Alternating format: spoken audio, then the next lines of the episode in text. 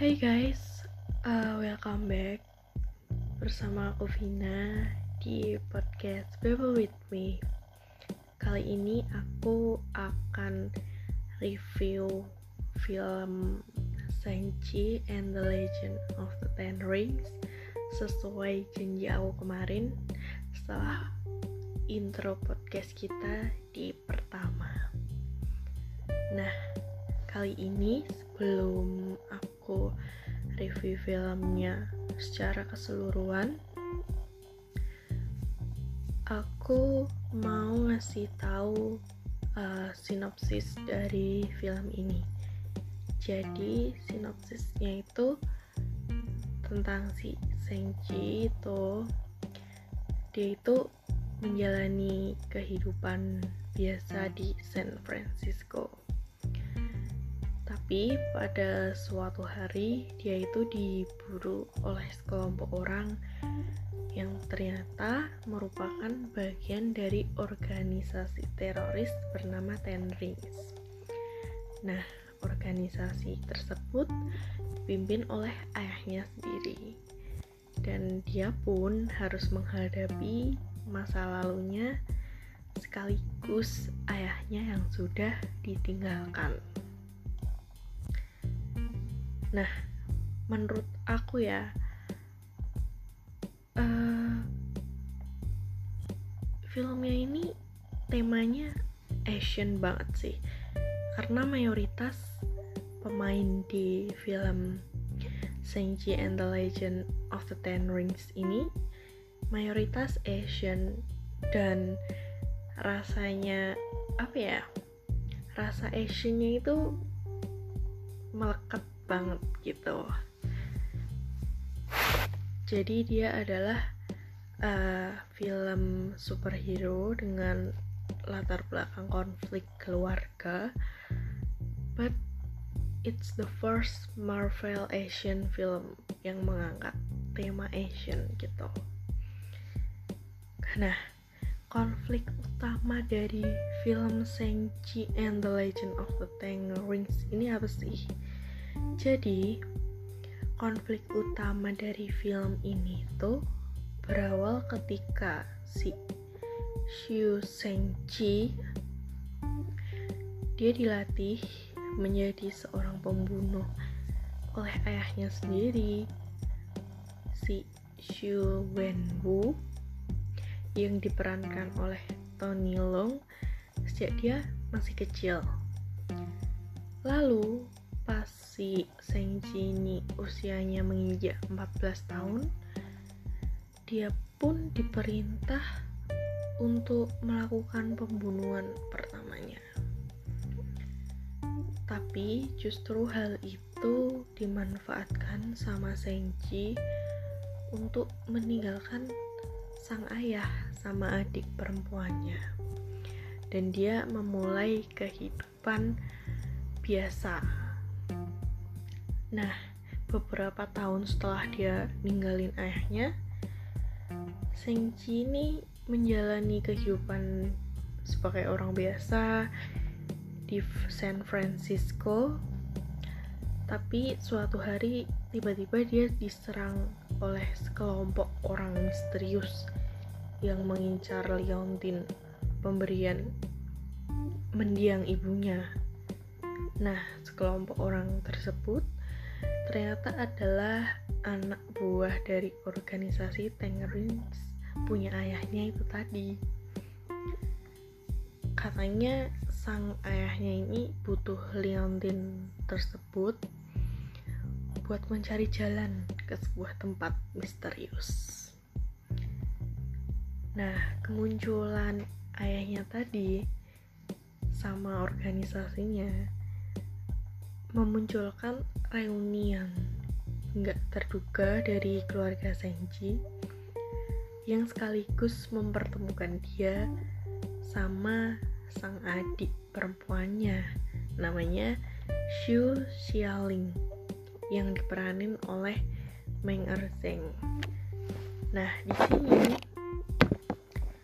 pun membuat si Shang-Chi-nya itu sama adiknya ya adik perempuannya Shelling kembali terlibat dalam konflik keluarga di mana ia bingung harus ngebantu ayahnya atau si Sengji. Nah, berarti berdasarkan apa ya sinopsisnya kalian pasti udah paham bahwa konflik utama di film superhero ini biasanya berhubungan dengan keluarga sang tokoh utama gitu ya. Nah masa lalu tersebut tuh bisa dibilang sangat berpengaruh untuk pembangunan karakter utama dari sebuah film sih kalau menurutku. Sebenarnya hal kayak gini tuh bukan suatu yang baru gitu loh di Marvel Cinematic Universe. Karena mayoritas bagi yang ngikutin film Marvel ya pasti konfliknya bakalan gitu-gitu aja. Tapi ini uh, pendapatku sih mungkin bagi beberapa orang bisa beda-beda and it's okay. Nah setelah kita review konflik utamanya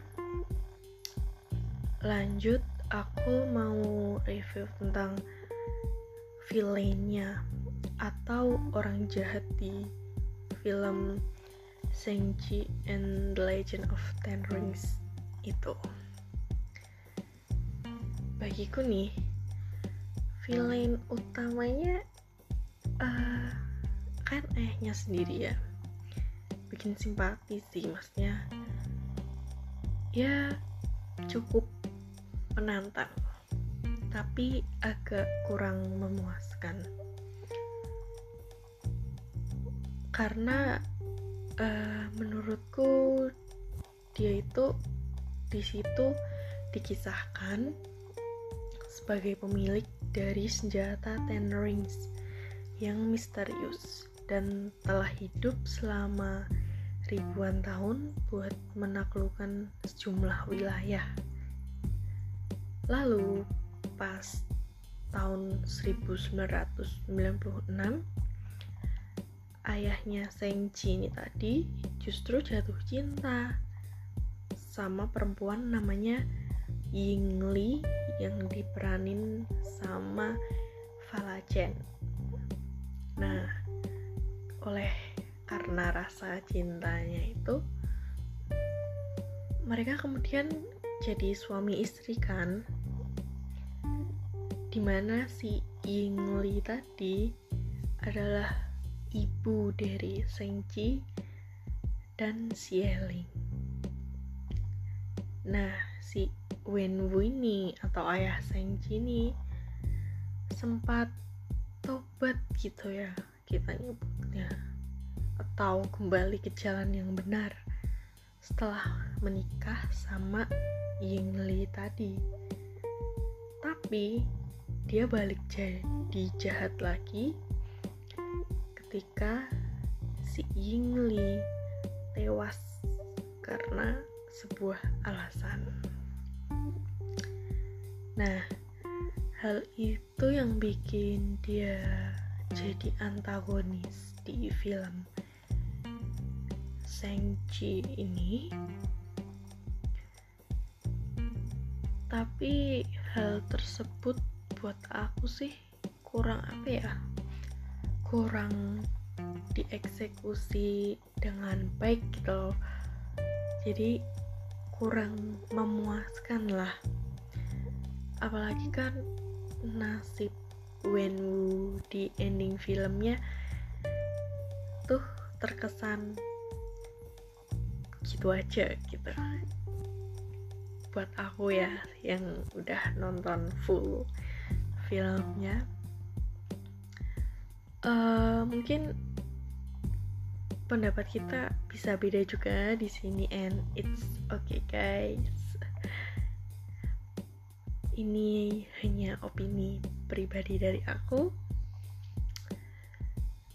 Kita lanjut review yang lain lagi. Sekarang aku mau review tentang karakter-karakter di filmnya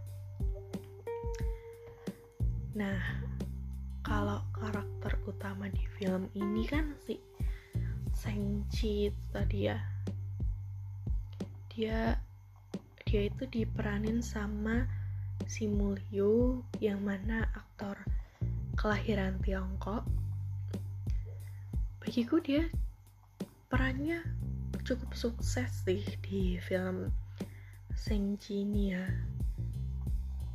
Di situ pun dia uh, terbantu dari apa ya segi komedi ini di situ ada sedikit komedinya di film ini dengan kehadiran Awika Wafina yang berperan jadi Katy, sahabat dekatnya Sengji. Buat yang nggak tahu, Awika Wafina itu dulu pernah main di Crazy Rich Asian tahun 2018. Tapi itu bukan film Marvel ya, itu film romantic komedi di situ dia emang lucu gitu sih. Mungkin perannya si Aweka Wafina ini memang buat lucu-lucu aja gitu ya.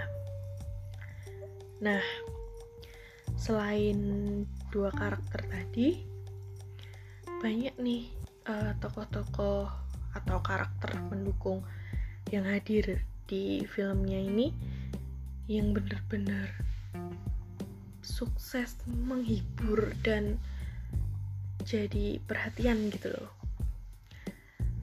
Bagiku nih ya terutama si sosok Trevor Slattery yang diperanin oleh Sir Ben Kingsley atau The Mandarin palsu yang kembali hadir di filmnya.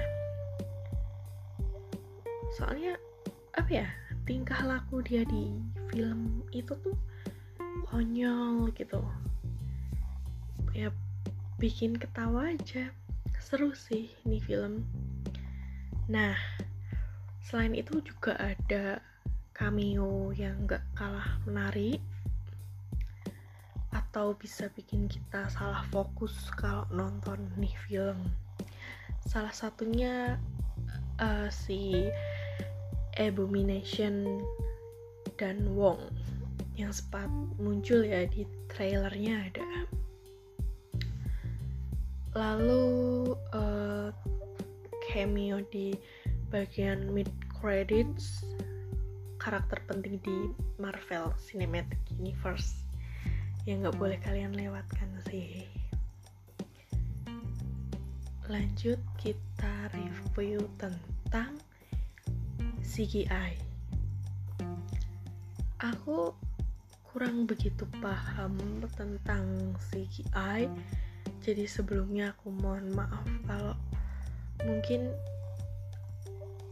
uh, aku akan berpendapat yang mungkin orang-orang bisa tidak setuju dengan pendapatku, but santai aja. Di sini kita chill. Ini cuma review film biasa oke? Okay? menurutku CGI-nya itu kurang rapi tapi dia masih tertolong sama koreografinya loh. Di sini bagus koreografinya menurutku efek visual CGI-nya itu masih agak buruk ya di sini.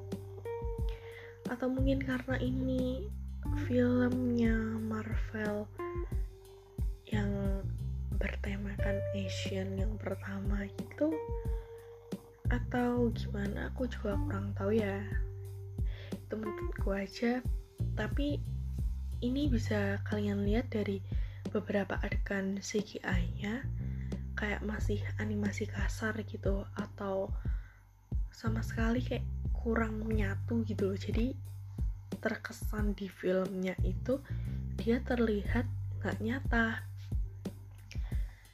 Hal-hal kayak gitu bagiku disayangkan banget ya. Karena untuk sekelas film Marvel Cinematic Universe harusnya dia bisa kasih efek CGI yang smooth gitu. Ya biasanya kan film-film Marvel Cinematic Universe itu dia bergantung banget kan sama efek visual ya nah tapi bagiku itu bukan sebuah kekurangan yang sangat-sangat buruk ya.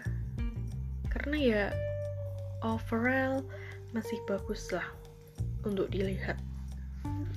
Karena dia masih terbantu sama koreografi pertarungannya. Bagiku keren sih.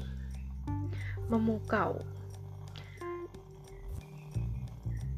Kalau bisa dibilang Sengji ini bagiku jadi salah satu film Marvel Cinematic Universe dengan koreografi pertarungan terbaik setelah Black Panther.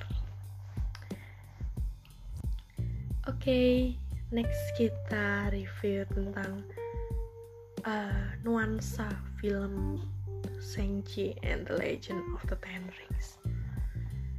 Di sini nuansa Asianya itu benar-benar kerasa. Karena ya secara dari segi pemainnya itu dia banyak dari Asian loh. Selain itu uh, ini kan film superhero Marvel Asia yang pertama ya jadi ini tuh kayak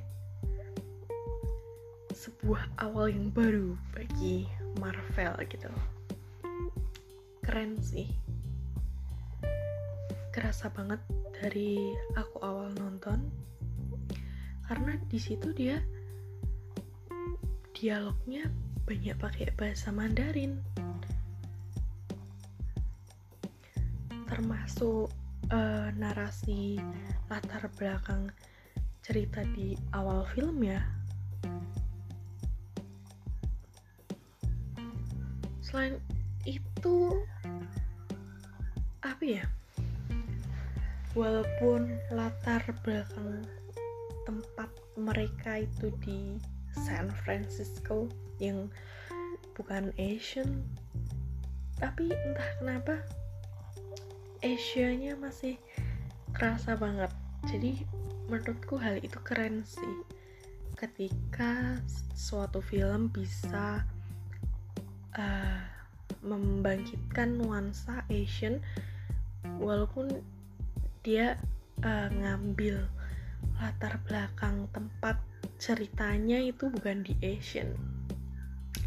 Karena itu juga dipengaruhin ini kali ya uh, para pemain filmnya yang mayoritas Asian tadi.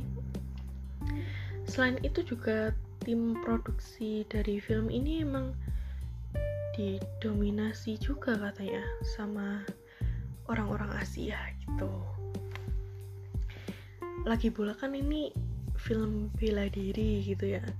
Bela diri tradisional kan beberapa emang dari Asia jadi kayak gak asing aja sih. Nah mungkin segitu aja review dari aku. Ini filmnya tuh seru keren gitu. Uh, kalau aku rate dari 8 per 10 mungkin ya. Jadi buat kalian yang masih ragu mau nonton atau enggak.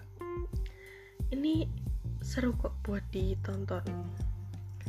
Selain itu nggak bosenin atau bikin ngantuk gitu mungkin ya.